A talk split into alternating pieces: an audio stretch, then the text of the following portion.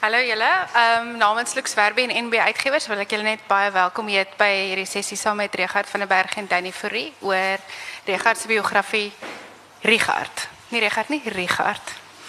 Ehm um, net om julle 'n bietjie meer te vertel oor Danny en oor Regard. Ehm um, Danny was 'n predikant gewees en is uit die bediening en is toe SAIK toe, die ou SAIK waar hy hoof van godsdienstige programme was. Ehm um, en het toe in die uitgewersbedryf ingegaan, was by Lux Verbe en by CLF gewees. Ehm um, as hy outeer in 'n vryskut in die mediabedryf, hulle sou hom dalk al op RSG gehoor het. Ehm um, Richard gaan ek nie veel oor sê nie. Ehm um, ja, met 'n ma soos Dulcie van der Berg en Gert van der Berg het hy seker nie 'n keuse gehad nie. Hy moes seker maar in die bedryf ingegaan het. Nou ja, geniet dit.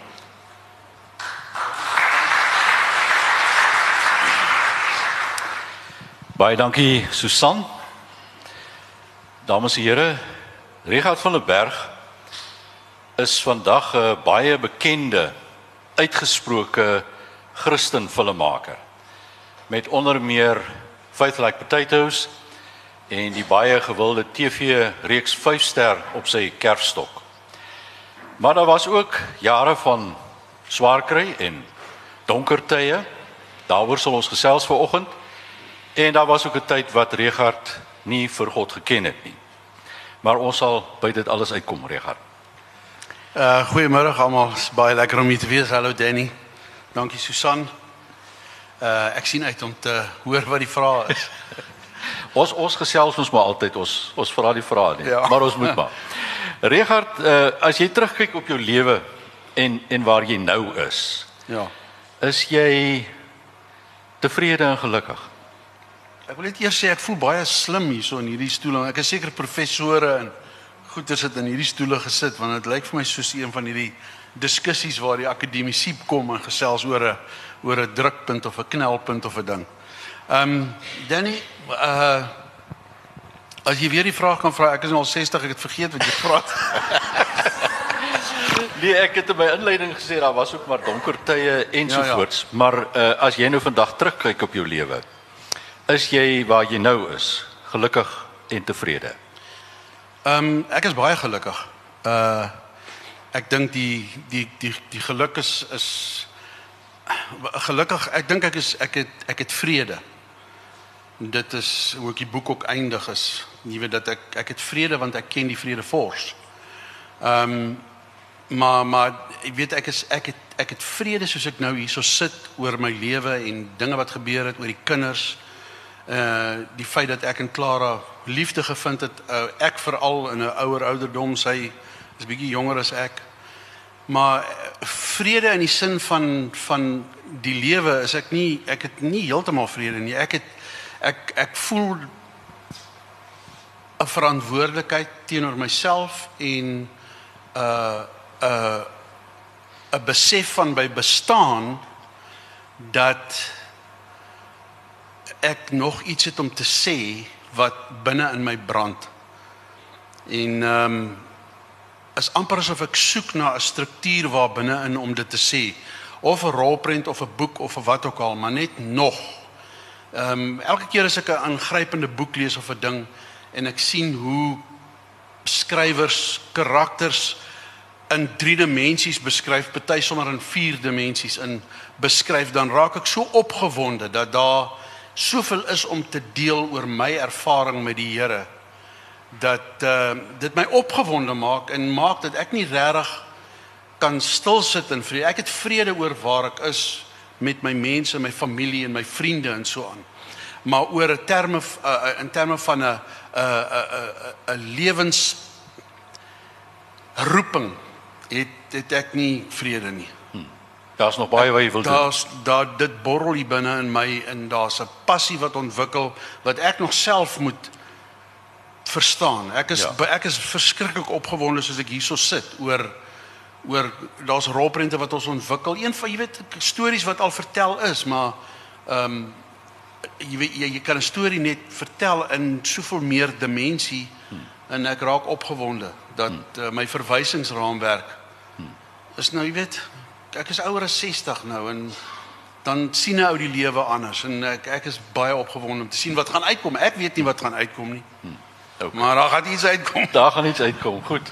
En hierdie boek van jou was was amper so as ek nou kan sê, jy weet 'n tipe van 'n voorloper klink dit my. Uh waarom het jy ingestem om 'n boek te skryf oor jou lewe? Ek weet jy dis 'n goeie vraag eintlik want ek ek sou ek sou dit nie sommer doen nie. Um uh baie vriende en van my familie het gevra wanneer gaan ek 'n boek skryf omdat daar soveel staaltjies is en soveel stories en dinge en ek het net gef, dit het vir dit is vir my odd geweest om te dink ek gaan 'n boek skryf en dan verkoop ek die boek en dan vertel ek my storie van my lewe. Ons het almal 'n storie, almal het 'n lewe, almal het 'n storie. Maar um, toe Susan my bel. Toe is dit asof iets klik wat my laat voel dis belangriker as net om my storie te vertel. Daar's iets meer. En ek het gaan sit en ek het dadelik ja gesê omdat ek wil mense sê nie nee as die uitgewer jou bel en sê wil jy nie 'n boek skryf nie. Ja. En sy het gesê sy gaan my help. En ek het nie geweet my hulp gaan so lyk like nie, maar dit was wonderlik geweest. Ehm um, maar ek het gaan besin daaroor uh om om myself vrede te gee hmm. dat ek dat ek die regte ding doen. En uh ek skryf daarvan in die voorwoord ehm um, ek het vir my kinders altyd boeke gelees, al al die, al, al die boeke wat ek kon dink van uh seuns van Keurbo Boomlaan en in Famous 5 en Narnia stories en uh ek het Call of the Wild gelees van Jack London vir die ouens wat White Fang miskien gelees het en Call of the Wild is 'n minder bekende boek van hom maar dit is 'n besondere boek.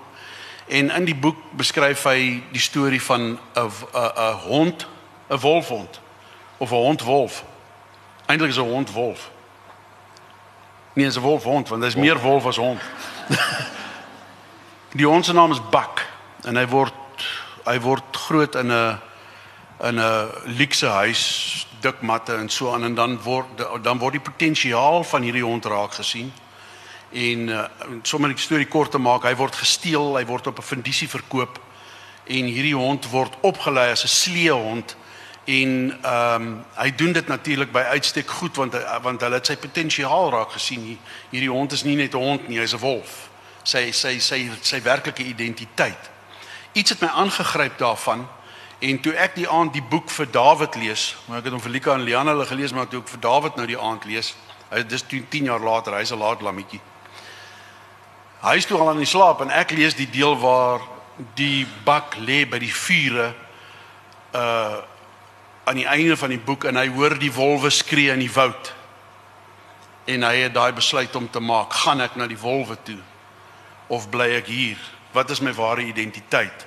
Call of the wild. Ek lê snot en trane en huil in die bed. Dawid is aan die slaap. Hy hy weet van niks nie. En ek onthou daai tyd gedink dis amazing dat 'n ou so kan skryf dat hy jou iets dat jy iets so wonderlik tussen die lyne lees wat jou lewe aanspreek.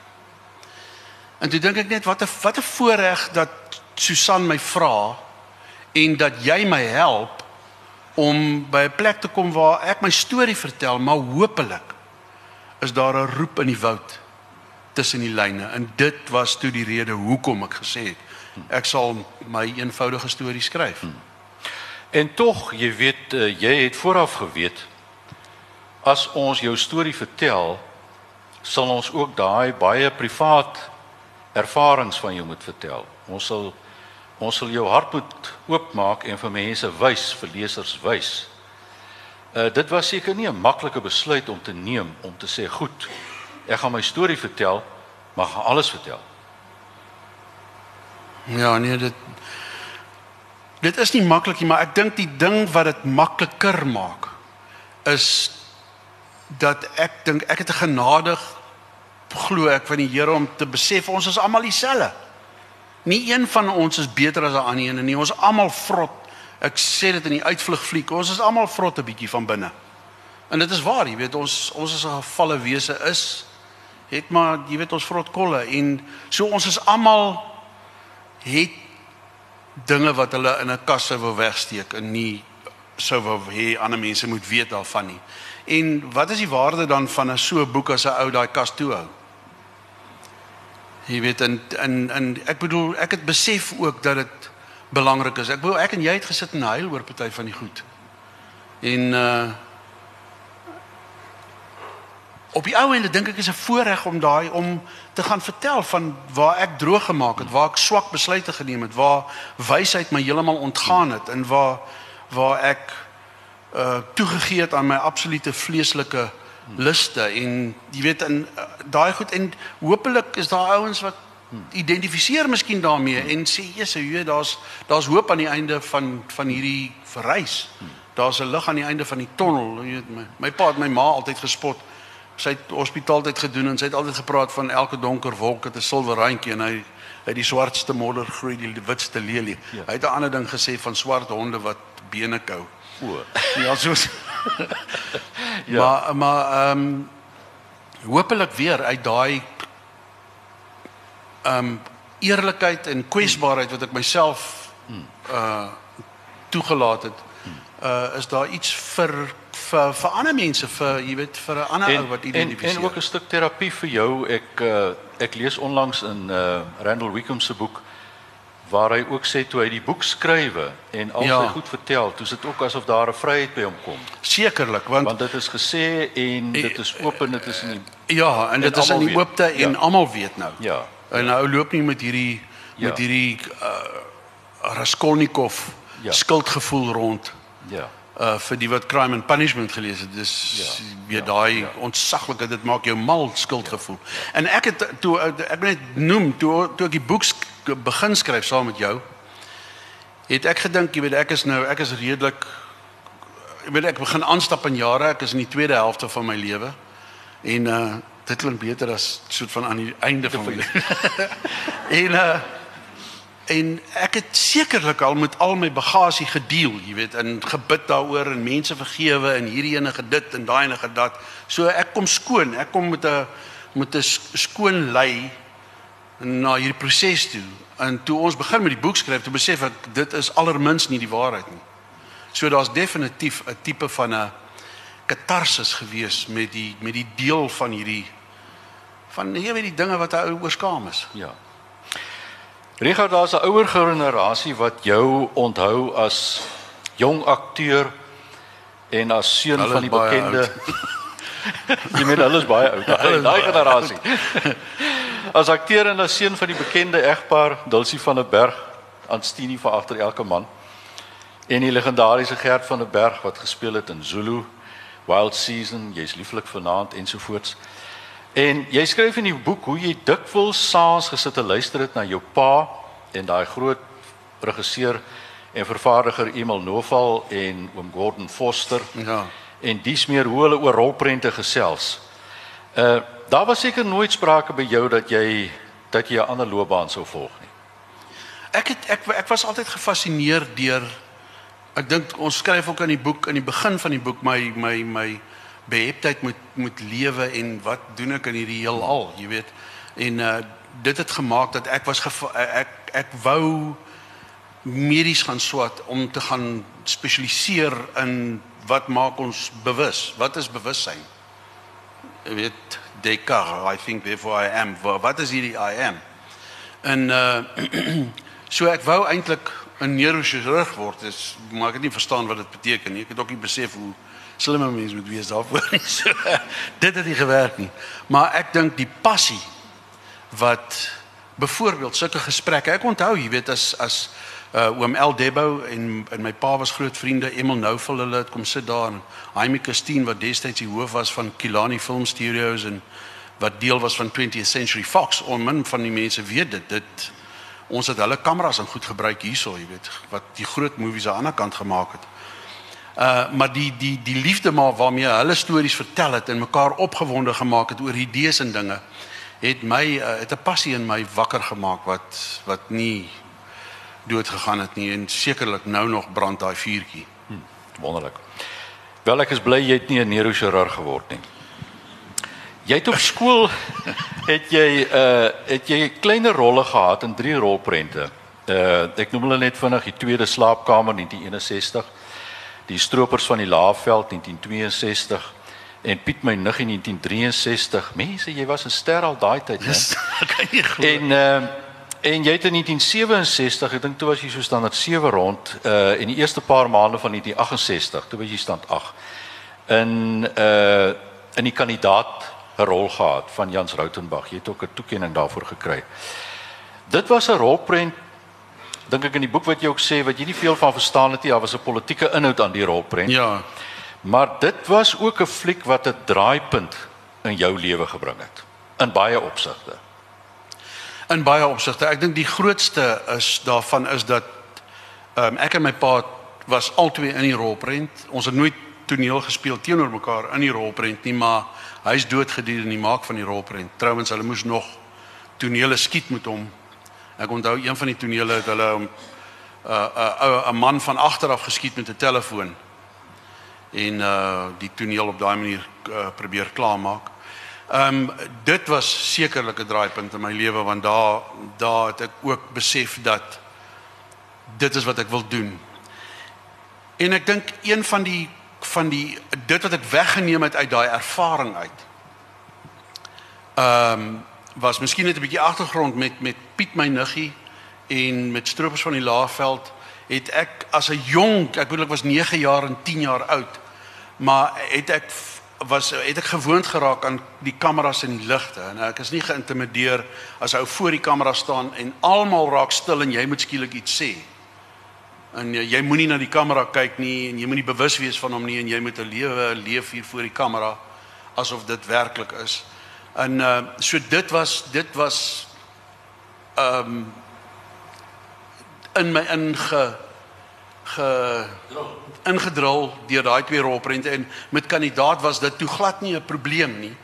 Maar die wonderlike ding wat ek daar ervaar het is die manier wat Jans Rautenbach vir jou regie gee.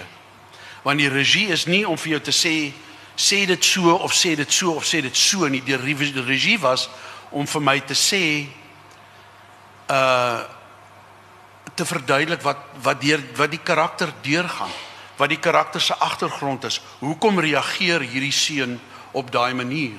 Um te praat oor 'n gees van verwerping wat hierdie kind want hy was 'n aangenome seun gewees en hy hy was met ander woorde hy word verwerp groter klas. Sy ouers het hom verwerp. So dit is sy enigste eerste verwysingsraamwerk en om om 'n om 'n rol op daai manier te te uh, benader en ek het besef daar's there's more to it than meets the eye want uh is nie net 'n storie van boy meets girl soen mekaar gee 'n ring en daar trou hulle nie hier was 'n diepte gewees en uiteindelik weet later in retrospek het ek besef ou maak 'n rolprent hierso wat vra vra oor die afrikaner. Wie is ons? Wat kwalifiseer jou as 'n afrikaner? Die kandidaat wat wil by hierdie organisasie kwalifiseer vir 'n wonderlike job daarso.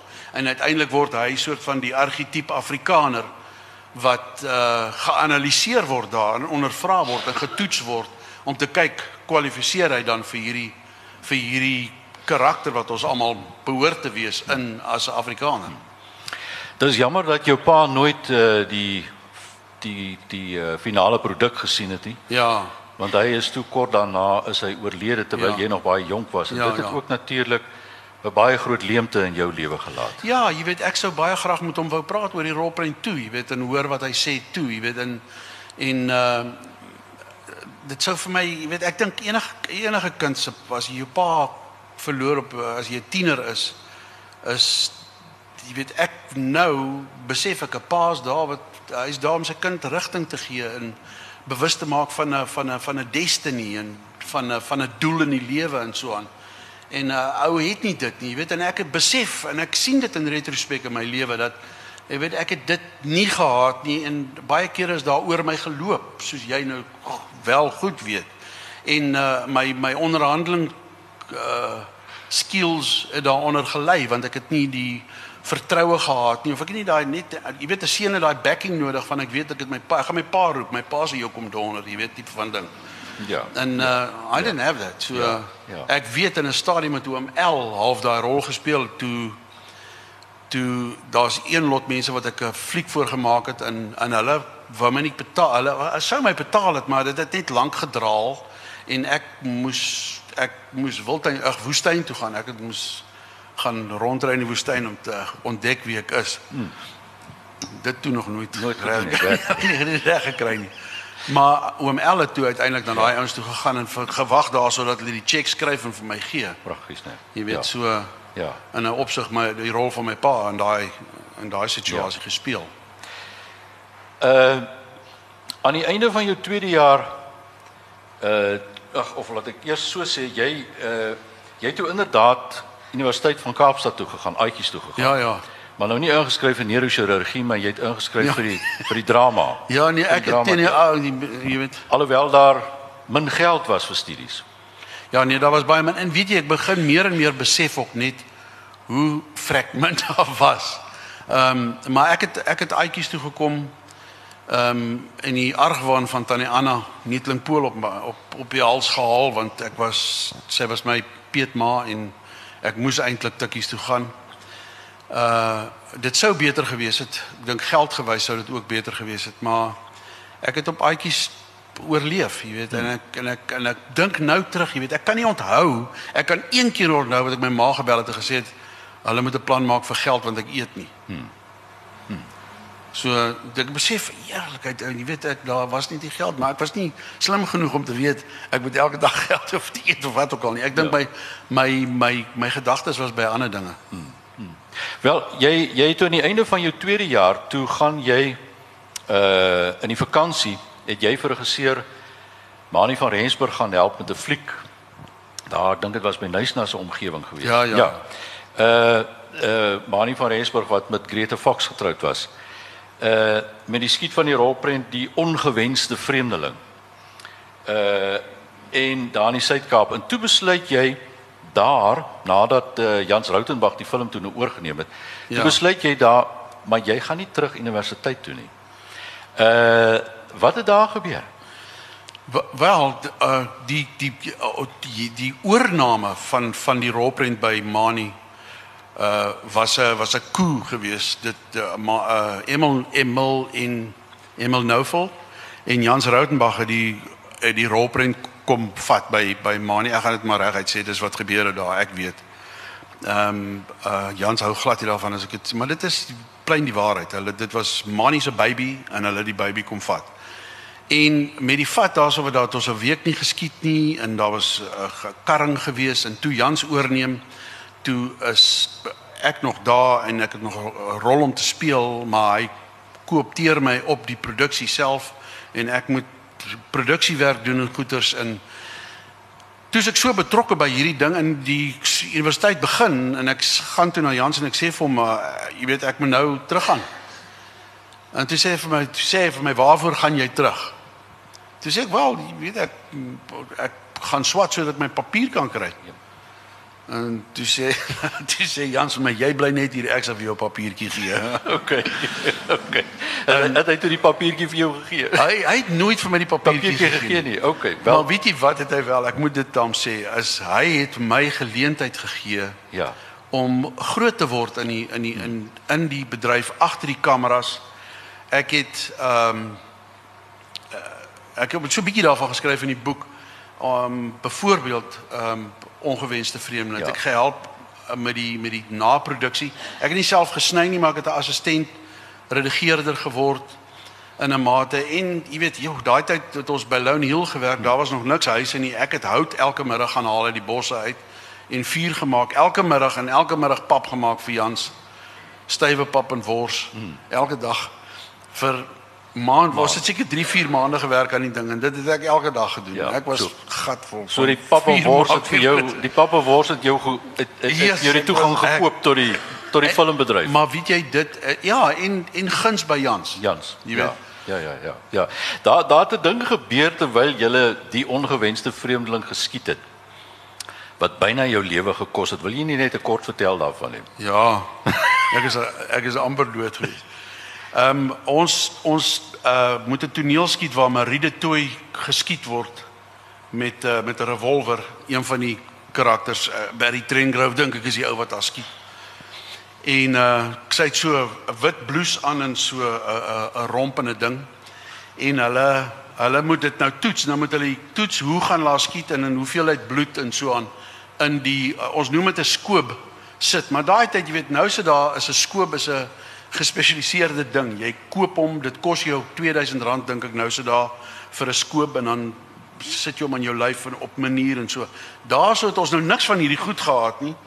So hulle het sommer die ou wat die stel my so so as as die skoot nou klap dan sit iemand daai skoop af in die in die bloed. Ja, ja, ja. Kyk wat wat nou gebeur is hulle hulle sit daai die die ouer wat gedoen het was die ou uh, ro- uh, uh, uh, sy naam was Ray. Hy was 'n so skot. Hy hy die hy was die stelbouer gewees en hulle het hom sommer gevra om dit te doen. Toe kry hulle 'n buskruit en 'n klein bietjie kordiet en hulle maak 'n detonator wat hulle op draad sit en hulle vat 'n jig proppie. Ek sal nooit vergeet nie, so 'n groot prop, wit prop van 'n jig bottel. En hulle plak hom vas met gom aan 'n leerbelt en hulle bind die leerbelt om my maag vas. En hulle sit die buskruit hier binne in die jig proppie en 'n bietjie van die kordiet. Jy's jy's nou die proefkonyn. Ek is die proef Jy moet hulle nou wil kyk. hulle gaan my nou gebruik om te kyk hoeveel bloed daar op die hemp uit gaan kom en sulke goed. Ja. En hulle druk die twee drade nou daarin, vat hom hier agter dat mense nou nie die drade in die skoot sien nie. En hulle vat 'n sakkie bloed wat hulle nou in 'n 'n plastiese sakkie. Ek onthou, jy weet dit is so dis so homemade gewees. Hulle daar met sellotape die ding gedoen. Sit hulle die bloed nou bo op die ding en toe hulle met kamera met kamera tape 'n masking tape wat ons n- nou van praat. Toe plak hulle nou die jig proppie toe met masking tape. nou moet ek daar so staan en dan sê hulle 1 2 3. En dan laat hulle daai nou toe hulle daai dan skiet toe blaas ek op. Toe my ek het so ek het so gestaan want ek wil nie kyk nie, maar toe ek sien toe sien ek 'n rooi vlam hier. Dis is dit was net En toe ek so kyk, toe is my hemp weg. Dis daar nie sprake van bloed nie. Daar bloed is hemel toe. Ek is gebrand. Ek het blaase onder my tities. Ek het blaase hier waar my beld loop, blaase. Ek het 'n blaas onder my ken. Ek staan so en ek weet in die begin is dit nie seer nie. Jy kyk net jy dink hulle het my opgeblaas. So op en toe begin daai pyn, daai en ek begin hardloop. En ek hol in so 'n sirkel. Ek het verskriklik gevloek. Julle my verskoon, ek gaan dit sê. Maar ek hardloop ek sê ek fucking brand. Ek fucking brand en ek huil want ek is so seer. In my ma staan en sy sê my kind moenie so vloek nie. En Jans Raudenbaas skree hy sê laat die kind vloek man. Kan jy nie sien hy fucking brand nie. En hulle moes my vang. Ek kon nie stil staan nie. Ek brand so en die wind van die hardloop het my bietjie afgekoel. Okay, goed. So, jy jy dis eintlik op 'n wonderbaarlike manier in die rolprentbedryf beland. Groot rolle gekry en as regisseur begin namaak. En dit was juist daai televisiereeks 5 ster, Ja, ja. 1991, 1981.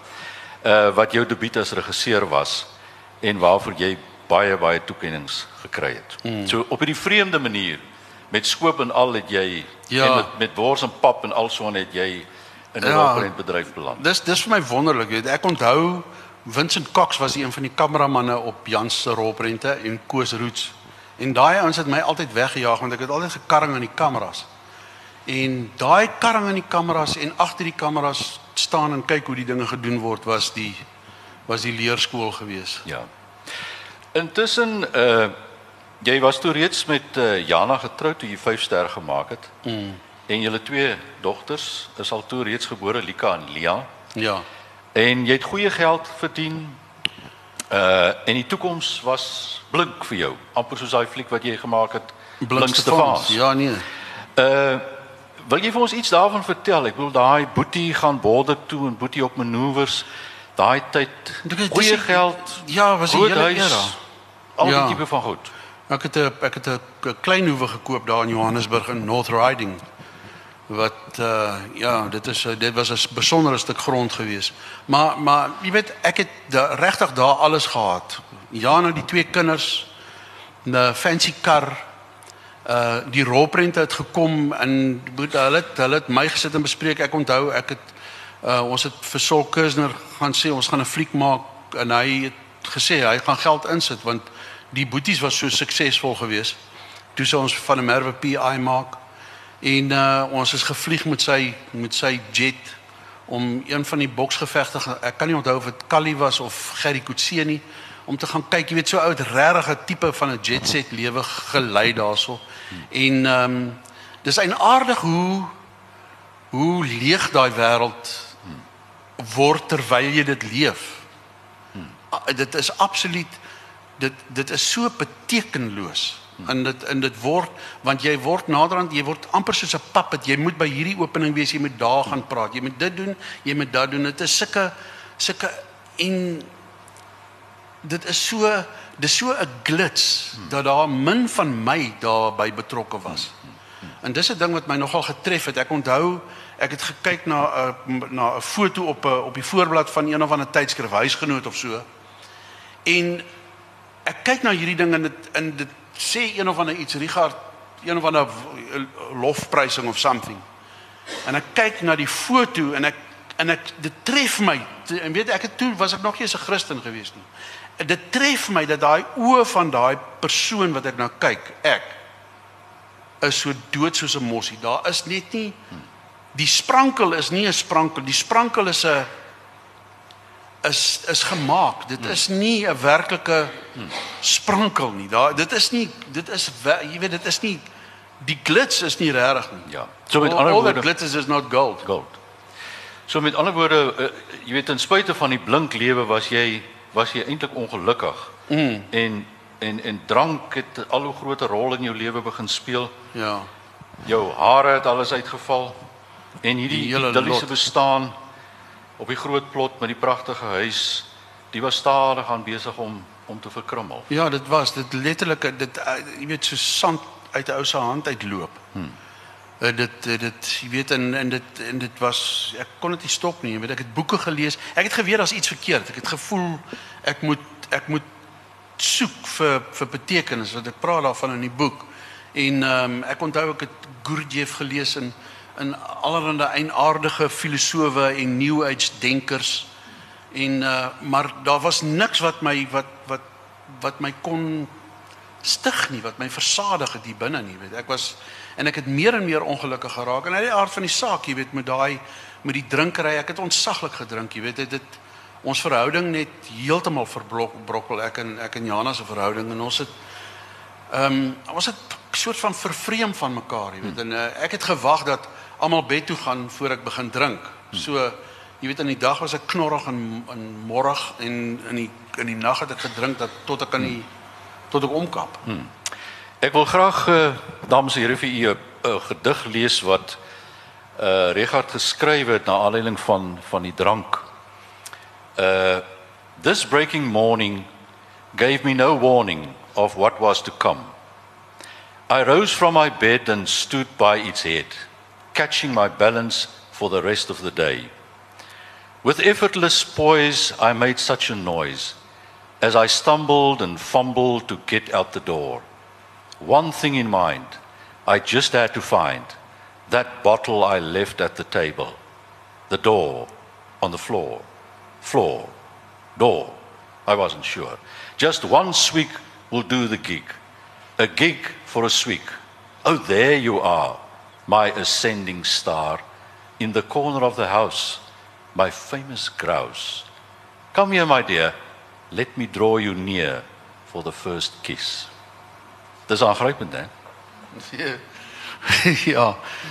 Ja, dit is dit en dit is jy weet ek is nie regtig uh, 'n digter nie en ek dink dit kom uit 'n diepte uit daai wat ehm um, wat wat wat diep is, jy weet wat mense wat deur die dal van doodskade weer gaan kan erken, jy weet wat ek op 'n bed staan en die DT's ervaar delirium tremens vir die wat nie weet wat dit is nie is wanneer jy wanneer hulle sê jy pink olifante sien en so aan. En ek het daar nie pink olifante gesien nie, ek het 'n sop van molekules gesien wat wat my kom verswelg. En ek het geskree, maar daar het niks uit my keel uitgekom nie. En uh, die gedig gaan nog verder. Ja. En uh daai gedig vertel van van die verlossing. Ek het nie daai dag verlossing gehad nie, maar daar het verlossing vir my gekom, jy weet, omdat ek die Here leer ken het. Uh maar daai staan op 'n bed en skree en niks kom uit en jy het die onbeskryflikste ander wêreldse ervaring dat jy lewende molekules sien wat persoonlikhede is, wat het wat soos soos 'n sop, soos 'n groot ek weet nie, mense kan nie sê amoeba nie, dit is net 'n dit is 'n digtheid van hierdie goed wat my verswelg en 'n mens is ontsaglik weerbaar wanneer jy in so 'n situasie is. Jy jy kan daar jy weet ek kan verstaan dat iemand op 'n punt kom waar hy net sê wil nie meer, ek kan nie meer in jy weet. Hmm. Kom ons kom ons neem daai verder uh Richard. Dit was toe so 'n afwaartse spiraal eintlik in jou lewe wat wat regtig 'n laagtepunt bereik het. Ek bedoel in die boek beskryf jy dit baie mooi. Uh maar toe kom daar tog 'n draaipunt. En ek wil jou terugvat na daai Sondagoggend toe waar daai draaipunt gekom het. Jo, ja nee, dit is 'n wat 'n wonderlike dag daai. Ehm um, ek het ek het is eintlik aardig wat 'n ou doen as jy dink jy's godsdienstig, want ek probeer nou leef sin maak van die lewe en ek dink maybe sal sin wees om my kind Sondagskool toe te vat. Sy's nou in graad 1. En ehm um, ek moet al my drink gewoontes en alles het elke Sondagoggend, elke Sondagoggend wakker geword betyds om my kind wakker te maak, haar aan te trek, vir haar kos te gee en Sondagskool toe te vat. Elke oggend, elke Sondagoggend toe sy in graad 1 is. En ek het niks gedink daarvan, ek het dit net gedoen. Jy weet nou in retrospek dan besef ek net jy weet die Here het ingegryp hierso. Want die een Sondagoggend word ek wakker en ek is nog dronk soos elke Sondagoggend. Ek is nog ek ek is of dronk of 'n hengse babbelas. En uh ek maak vir Lika reg en ek reël iemand om haar te kom haal by die Sondagskool. Ek vat haar en gewoonlik ry ek terug huis toe en dan maak ek 'n bottel wyn oop en dan begin ek 'n potjie kos vuurtjie maak en so aan en ek vat Felika daai oggend en ek stop by die kerk en ek laai haar af en ek soen haar en toe ek haar soen toe dit asof die Here die tyd onderskep vir my. Dit is 'n ja wie as ek aan dink dan kry ek 'n knop in my keel want ek besef net hier sit ek 'n volwasse man met 'n 7-jarige dogtertjie wat soos 'n klein engeltjie lyk. Ek stuur haar sonndagskoolklas toe ek soen haar en ek ryk soos 'n kroeg. En ek dink by myself maar wat het ek om vir hierdie kind te gee as iets om vas te hou, 'n rots om op te staan, 'n anker in die lewe. Wat wat het ek? En sy loop so weg. En ek voel net devastated. Ek voel net ek is absolute mislukking in my lewe. Ek het niks wat ek vir Lika kan gee. Niks. Ek kan nie vas sê waaroor die lewe gaan nie. En ek ry huis toe in 'n toestand En ek het 'n paar keer verby daai plek gery en ek dag ek het gehoor dis 'n kerk. Dis so 'n plat dakplek, maar groterige plat dakplek. En ek stop so een van daai plekke waar ek dink ek gaan net in kyk. Ek gaan net kyk daar. En uh, ek stop so 500 meter van die kerk af en ek begin loop en ek loop na die kerk toe en ek loop by die agterdeure in, maar daar's klomp agterdeure so om. En ek loop by die kantste agterdeure in en ek loop in by daai plek in. Iets gryp my wat ek sien daarso is hierdie mense. Hulle is besig om te sing arms in die lug. Ander mense hug hier voor my en groet mekaar met glimlagte. Hulle voel alright hulle het nie hangovers nie. Hulle asem stink nie. Hierdie mense lyk fantasties ek voel so wees. Ek iets in my gees roep uit na wat daai ouens het. En ek gaan staan agter maar ek is vreesbevange. En 'n vriend van my of 'n by name 'n vriend ek ek nooit van hom gaan kuier of iets nie sê drie Coolenthal Hy het saam met my gewerk by Philip Pieterse. Hy hol voor my verby en hy stop. Hy doen 'n double take sê hy sê vir my, "What are you doing here?" Jy weet, en bewus van my asem het ek my hand voor my mond gedruk en van gesê, "I've just gone to have a look." Maar ek wil nie my asem rykie. En hy gryp my aan die skouer en hy trek my en hy gaan sit daar so saam met hom en sy vrou. En daar sit ek in die kerk en hierdie pastoor begin preek. Hy preek oor allerlei goed. Hy preek oor visse. Groot visse en maarvisse en langes en kortes en allerlei dinge. En toe hy sê and then you get the salmon. Toe hy sê salm. Toe begin ek so huil. Jy weet en ek is 'n akteur, ek kan nie saggies huil nie. Ek huil, ek huil ordentlik. En daar sit 5000 mense in daai kerk en dan dit voel vir my almal stuur vir my 'n T-shirt aan, jy weet nie. Hier kom T-shirts aan van heinde in verre, maar ek kan nie ophou huil nie. Ek huil en ek sien net daai salm. Ek sien ek sien 'n vis met 'n doelgerigtheid stroom op teen teen die stroom met 'n doel. Die doel is om terug te gaan waarvandaan af hy kom. Jy weet my gees roep uit. Ek weet nie my gees roep uit en sê Here, Here, help my. God, red my asseblief vandag. My ek weet ek is so desperaat hier binne, maar ek weet nie hoekom ek huil nie. Maar ek ek sien iets hierso. Ek sien anti-establishment. Ek sien dit pas by my. Ek is 'n kunstenaar. Ek wil nie establishment wees nie. En uh die pastoor, hy ou aan preek, jy weet, en uh, dit is nou nie van salwing en sulke goeters nie, maar ek kan nie ophou huil nie. En aan die einde van die preek, maar hy sê vir hy, as daar iemand is hierso, jy weet en ek moet eintlik net sê dat ek soontoe gegaan het en die die woord by my opgekom het dat ek voel ek het 'n gat in my siel. En hierdie pastoor, sal hy nie voor die kans toe daarso staan en sê those with a hole in your soul, put your hands up if you want to meet Jesus today. En ek het nie 'n klou wat I want to meet Jesus today. Wat gaan hy deur die deure kom of wat? Ek het nie 'n klou wat gaan gebeur nie. Ek steek my hand in die lug op met so 'n behoefte aan wat die antwoord ook al is. En uh, hy het nog daar gesê nee, okay, julle kan julle hande laat sak en toe begin hy weer van voor af hierso tussen die 5000 mense vra, maar ek het nie my hand laat sak nie, ek het in daai hemel daar vasgehou. Ek sê vir jou sê, ek het geklou vir lewe en dood. En nou uh, dis waar hy in een van daai kerke waar hulle die ouens vorentoe roep en jy gaan maak 'n belydenis daar, jy gee jou hart vir die Here en that's it. En ek doen, jy weet, ek gaan vorentoe. Dit is eintlik moet ek dit noem want dit is eintlik wonderbaarlik want toe ek daar vorentoe gaan staan, toe kom daar 'n ou drinkepel van my op. en hy sê ook vir my, "Wat maak jy hier?" En uh, hy hy hy kom herbevestig sy geloof en ek het nie eens geweet van sulke goeders nie. Ek sê vir hom weer, ek het net kom kyk.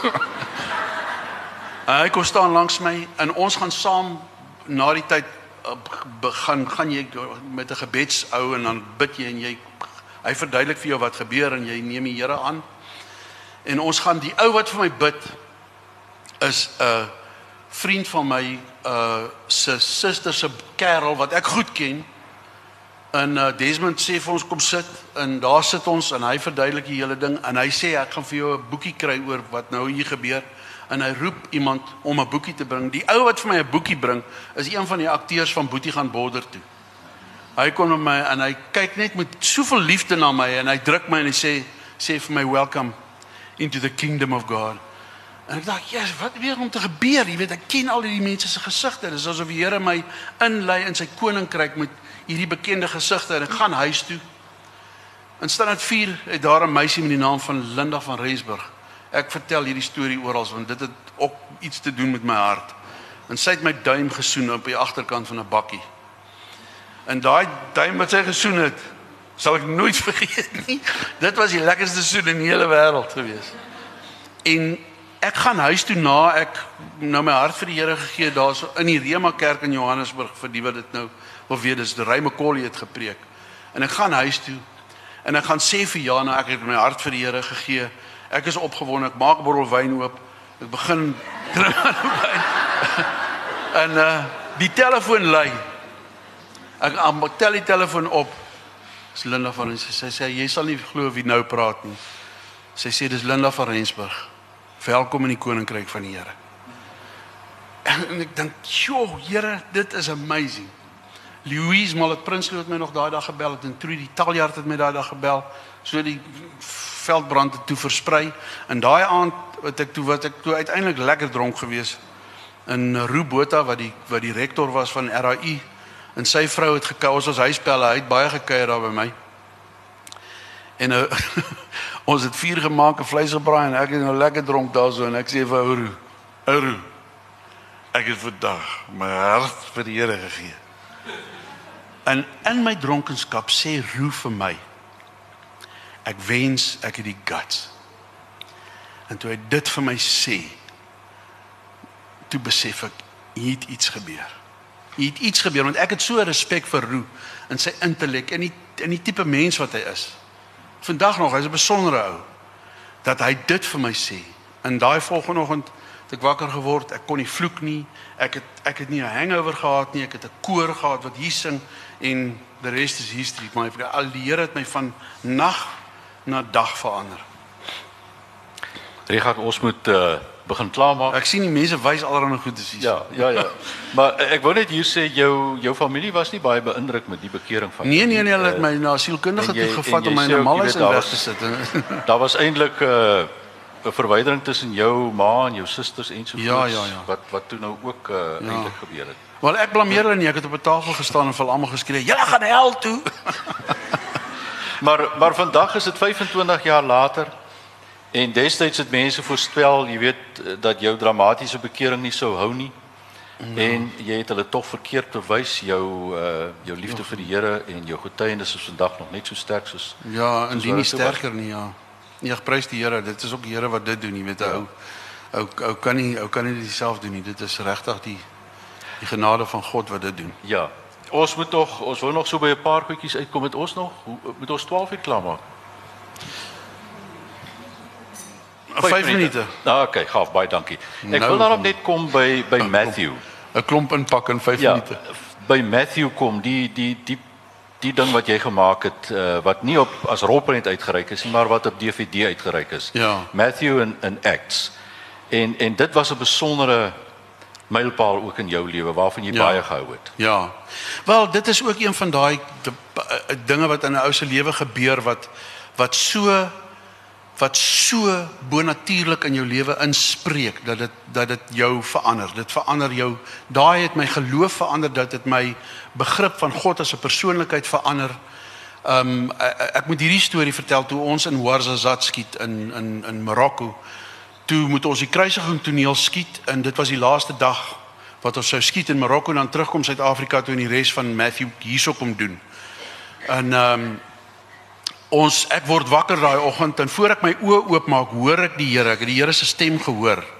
Dis in sover is dit die enigste keer wat ek hom so gehoor het. Ek het baie kere gevoel dat die Here 'n ding sê, maar hierdie keer het die Here vir my gesê, Afrikaans gepraat ook, hy het gesê, moenie vir my jammer wees nie. Net so ferm. En ek dink, "Jo, Here, wat wat wat wat beteken dit nou?" En dit, nou jy onthou dis 1993 en uh wat toe gebeur, ek gaan dit bietjie ek gaan 'n bietjie dit verkort. Wat gebeur in korte is ek besef dat die Here vir my sê dis die einde dat Jesus gewys word wat aan 'n kruis hang soos 'n porseleinpoppie met 'n druppeltjie bloed op sy voorkop. Dis die einde. God wil dit nie meer hê nie. Dis wat heeltemal by my opkom en ek en ek word herinner aan 'n skrif in Jesaja 52 waar die Here sê in Engels sê hy he was marred beyond recognition. Hy was verbrysel sodat die mense hom nie kon herken nie.